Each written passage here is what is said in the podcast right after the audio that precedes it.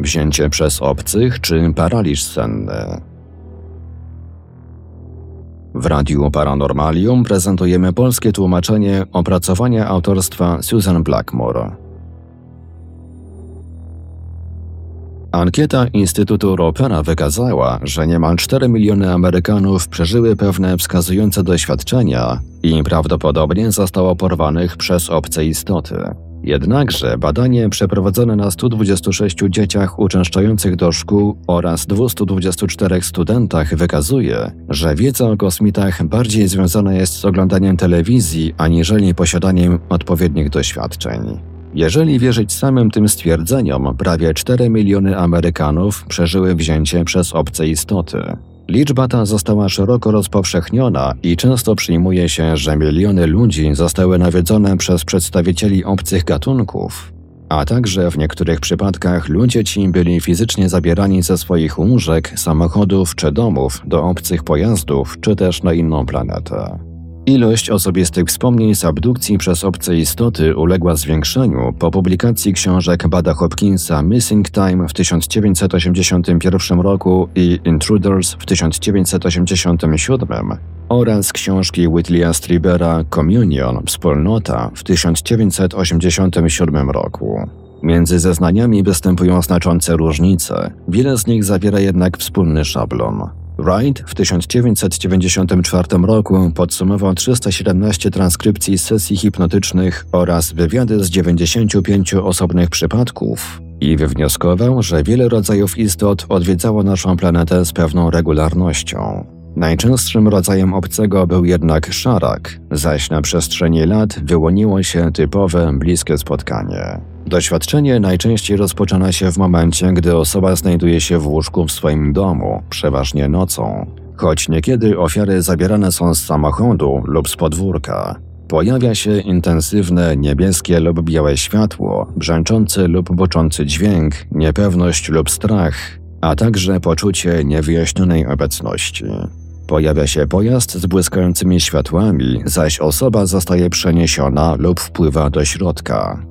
Znajdując się już wewnątrz, osoba może zostać poddana różnego rodzaju zabiegom medycznym, często obejmującym pobieranie komórek jajowych lub plemników oraz implantację niewielkiego obiektu wewnątrz nosa lub w innej części ciała. Komunikacja z obcymi istotami następuje zwykle drogą telepatyczną. Osoba wzięta czuje się bezradna i często jest stłumiona, bądź też częściowo lub całkowicie sparaliżowana. Szarak ma około 4 stóp wzrostu, posiada wydłużone ciało oraz szyję, dużą głowę oraz wielkie czarne skośne oczy w kształcie migdałów. Szaraki zwykle nie posiadają owłosienia i często mają jedynie po trzy palce u każdej z rąk. Rzadziej występują obce istoty koloru zielonego lub niebieskiego, wyższe jasnowłose istoty typu nordyckiego oraz postaci ludzkie, które niekiedy współpracują z szarakami.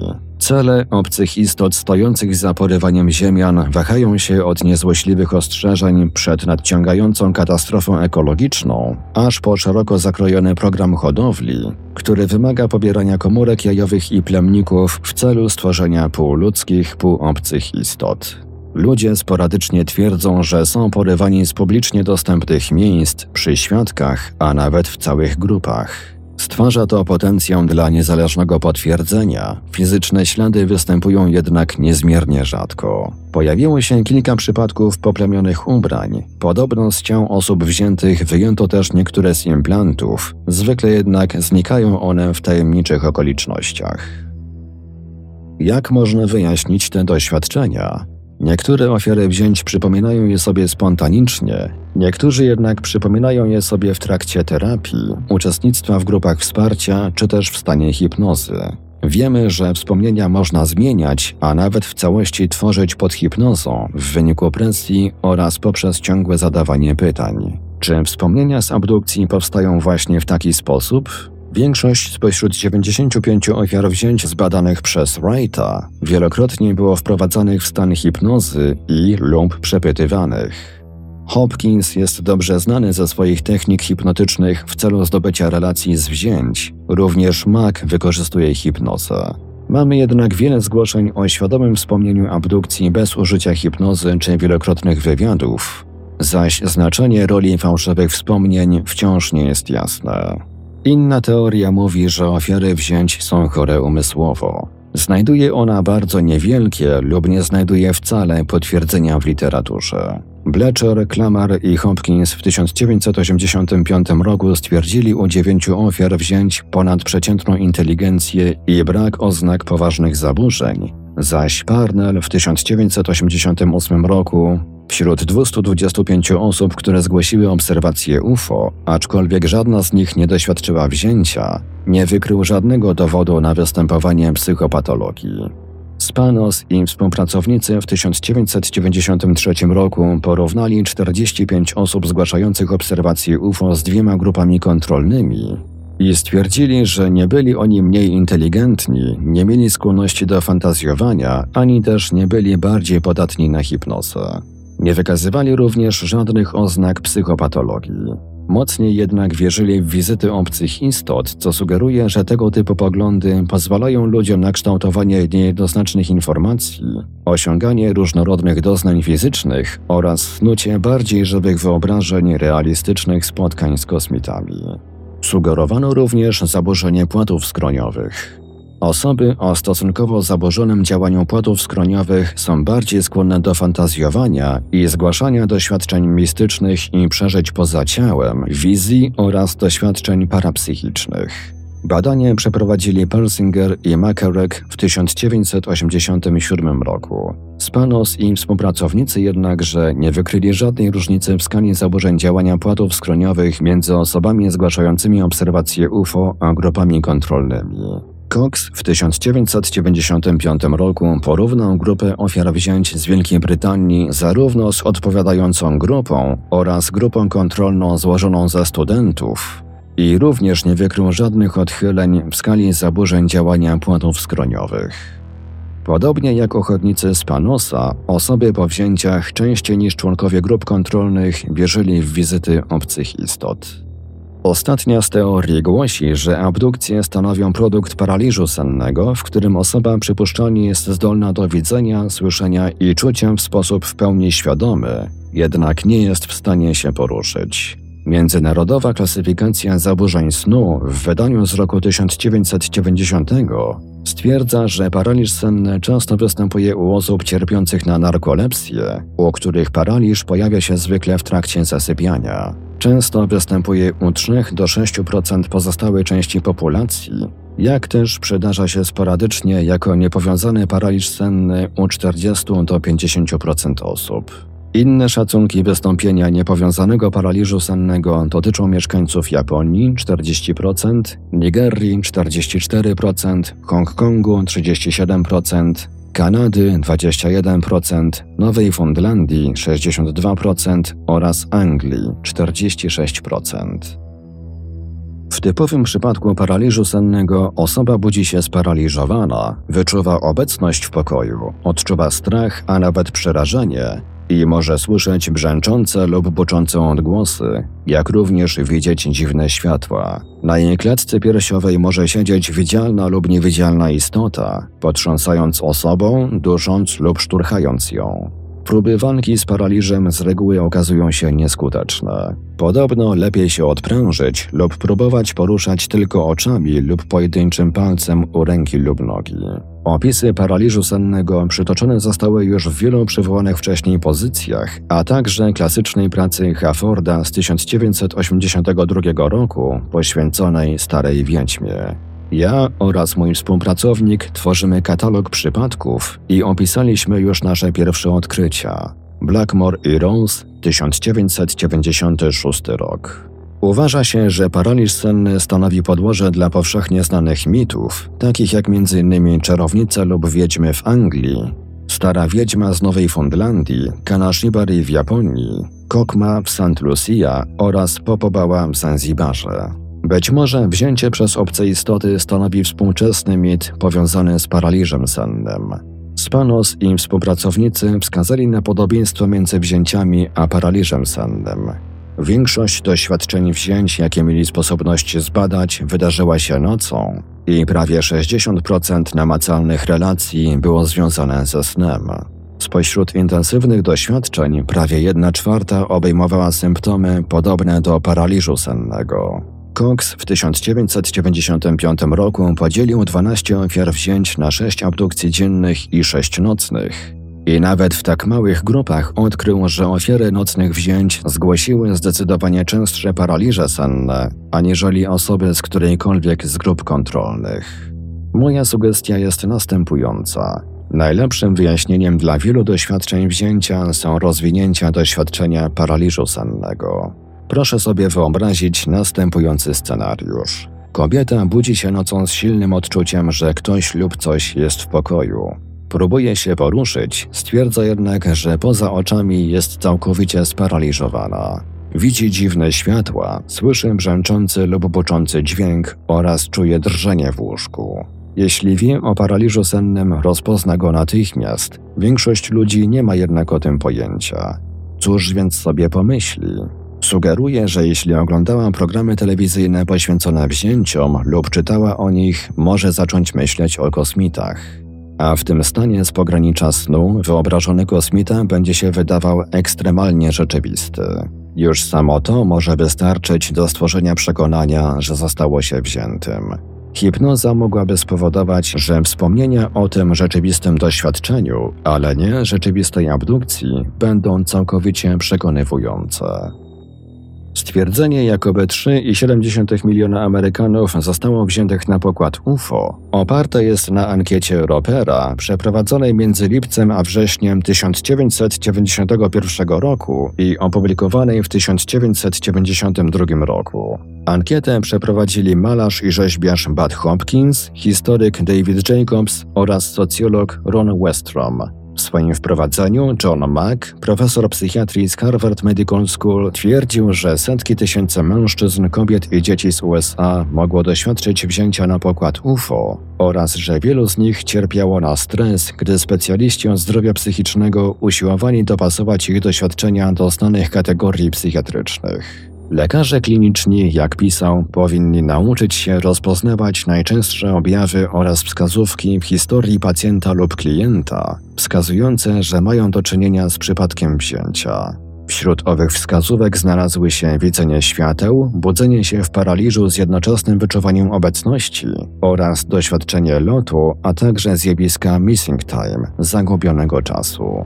Raport opublikowano prywatnym nakładem oraz rozesłano do prawie 100 tysięcy psychiatrów, psychologów oraz innych specjalistów zajmujących się zdrowiem psychicznym, zachęcając ich do bycia otwartym na możliwość, że coś istnieje lub dzieje się z ich klientami, co nie ma prawa lub nie powinno istnieć zgodnie z naszymi tradycyjnymi zachodnimi ramami. Organizacja Ropera świadczy usługi pozwalające na dodawanie pytań do regularnie organizowanych przez nich ankiet. W tym przypadku 5947 osobom dorosłym grupa reprezentacyjna wręczono kartę zawierającą wypis 11 doświadczeń z pytaniem, czy którekolwiek z nich przydarzyło im się więcej niż dwa razy, raz lub dwa razy lub nigdy. Doświadczenia wraz z procentową liczbą respondentów, którzy odpowiedzieli, że przeżyli dane doświadczenie co najmniej raz, obejmowały obserwację ducha 11%, obserwowanie istnienie o UFO 7,5% oraz opuszczanie ciała 14%. Najważniejsze było pięć doświadczeń wskazujących. Po pierwsze, obudzenie się sparaliżowanym z poczuciem obcej osoby lub obecności bądź czegoś innego w pokoju 18%. Po drugie, uczucie, że osoba naprawdę latała w powietrzu, nie wiedząc dlaczego i w jaki sposób 10%. Po trzecie, doświadczenie okresu czasu wynoszącego godzinę lub dłużej, który osoba przypuszczalnie zgubiła, jednak nie mogła sobie przypomnieć dlaczego lub gdzie wówczas była 13%. Po czwarte, obserwacja nietypowych świateł lub kul świetlnych w pokoju, nie wiedząc co je powodowało czy też skąd one przyleciały 8%. Oraz po piąte, odnalezienie zagadkowych uszkodzeń na powierzchni ciała osoby, przy czym ani osoba, ani nikt inny nie pamięta, w jakich okolicznościach bądź też gdzie one powstały 8%. Autorzy orzekli, że jeśli respondent odpowiedział tak na co najmniej cztery spośród tych pięciu pytań wskazujących, Istnieje duże prawdopodobieństwo, iż dana osoba padła ofiarą wzięcia przez UFO. Jako jedyne usprawiedliwienie podano to, że Hopkins i Jacobs w okresie 17 lat pracowali z prawie 500 wziętymi. Zauważyli, że wielu spośród wziętych zgłaszało te doświadczenia i doszli do wniosku, że osoby, które doznały czterech lub więcej spośród tych doświadczeń, mogą być ofiarami abdukcji. Na tej podstawie z ankiety Ropera wyciągnięto oszałamiający wniosek. Spośród 5947 przepytanych osób, 119, czyli 2%, zaznaczyło 4 lub 5 wskaźników. Ponieważ populacja reprezentowana przez próbę wynosiła 185 milionów, całkowita liczba wyniosła 3,7 miliona. Stąd wniosek, że prawie 4 miliony Amerykanów padło ofiarami wzięć przez obce istoty. Dlaczego nie zadano po prostu pytania, czy kiedykolwiek padłeś ofiarą abdukcji przez kosmitów?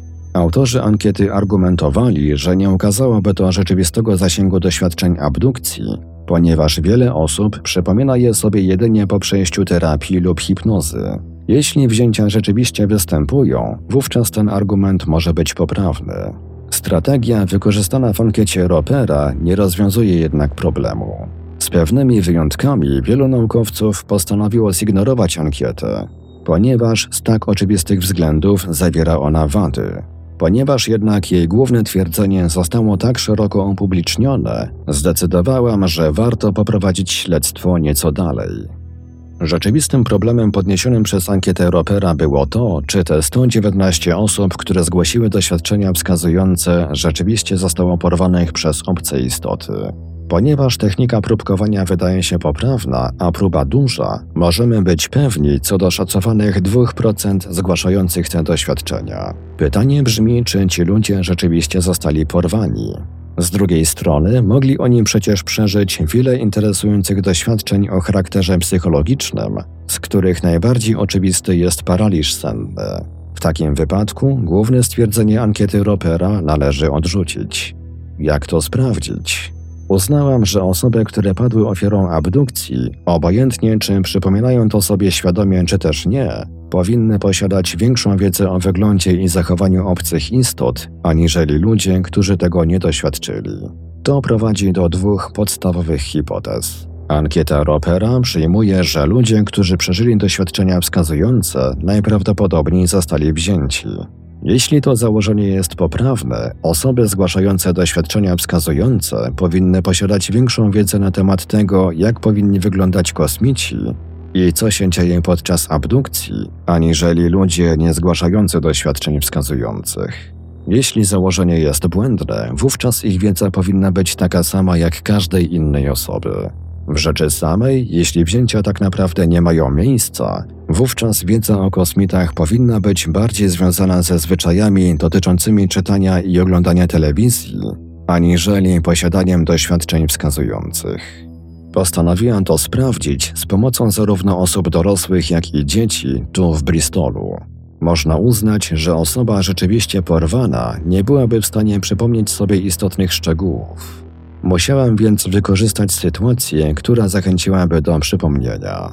Postanowiłam wprowadzić ochotników w stan odprężenia i opowiedzieć im historię o abdukcji, a następnie poprosiłam, aby uzupełnili brakujące szczegóły i narysowali obcych, których widzieli oczami wyobraźni.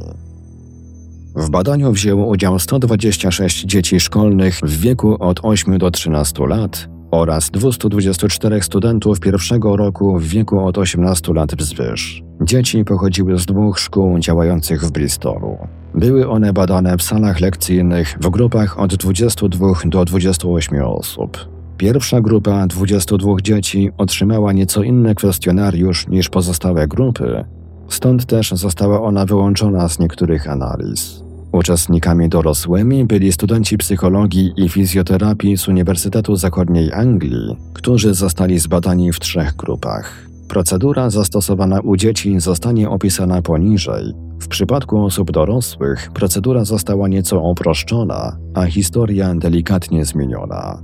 Najpierw poświęciłam około pół godziny rozmawiając z dziećmi o psychologii oraz badaniach, tak aby przyzwyczaiły się do mnie. Następnie poprosiłam, aby dzieci się zrelaksowały, na tyle, na ile było to możliwe w sali lekcyjnej.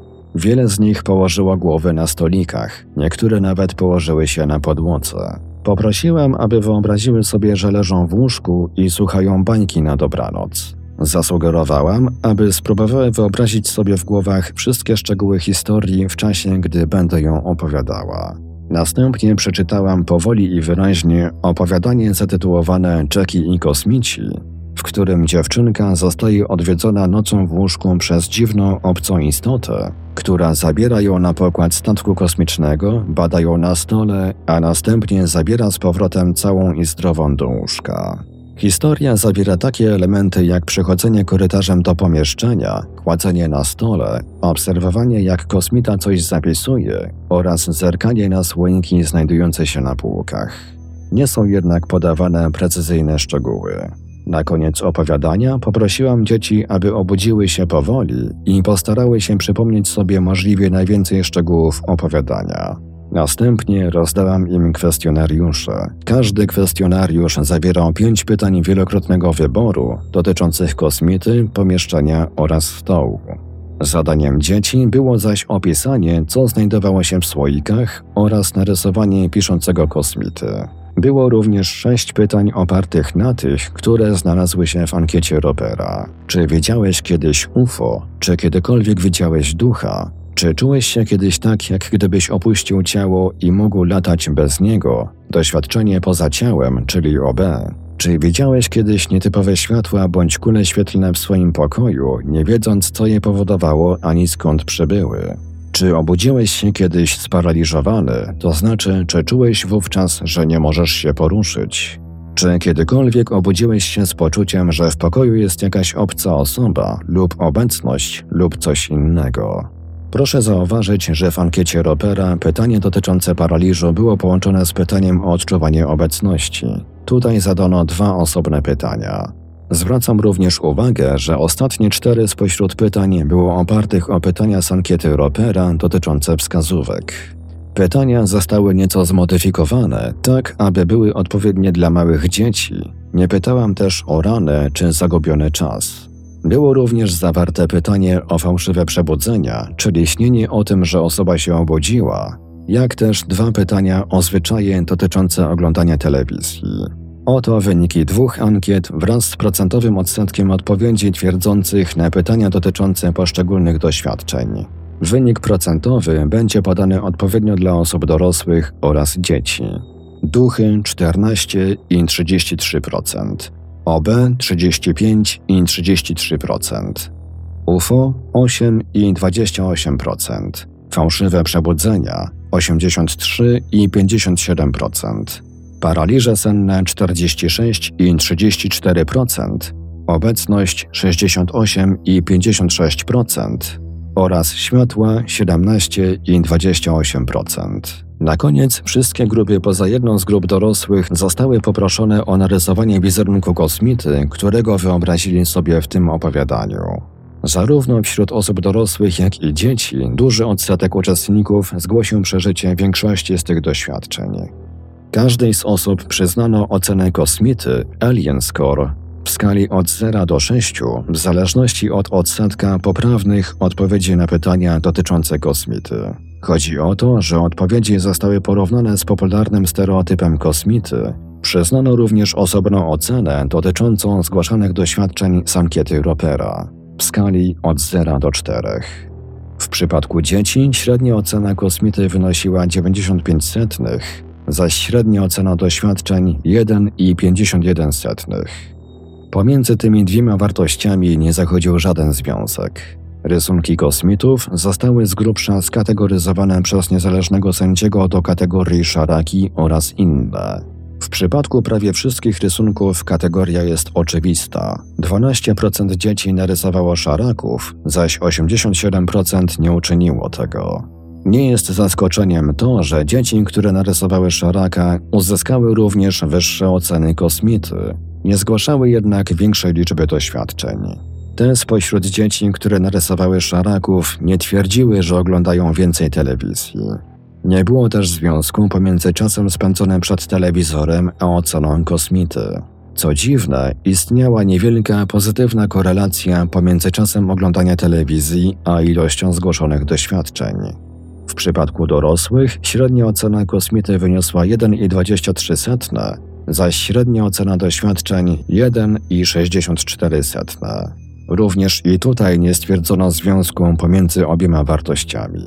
17 dorosłych narysowało szaraków, zaś 103 nie zrobiło tego. Także i w tym przypadku osoby, które narysowały szaraków, uzyskały wyższe oceny kosmity, nie zgłosiły jednak większej liczby doświadczeń.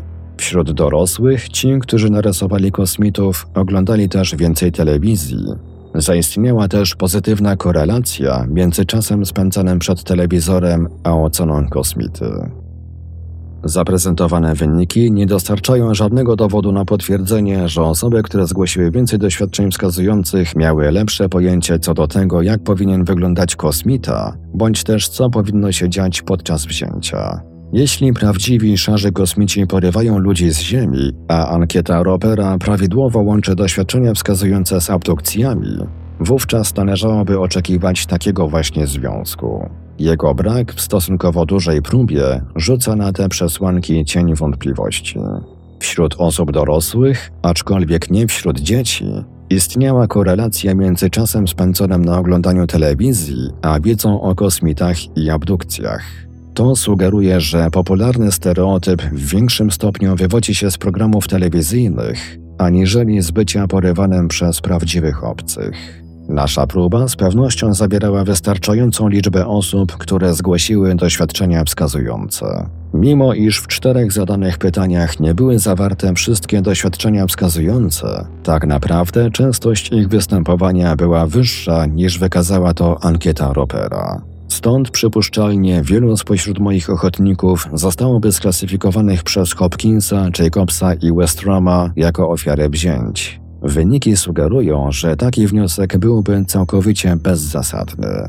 Te odkrycia nie udowadniają i nie mogą udowodnić, że na tej planecie nie dochodzi do rzeczywistych abdukcji. Pokazują one za to, że wiedza o wyglądzie i zachowaniu porywających ludzi kosmitów w większej mierze zależy od tego, jak długo dana osoba ogląda telewizję, aniżeli od tego, jak wiele przeżyła ona doświadczeń wskazujących.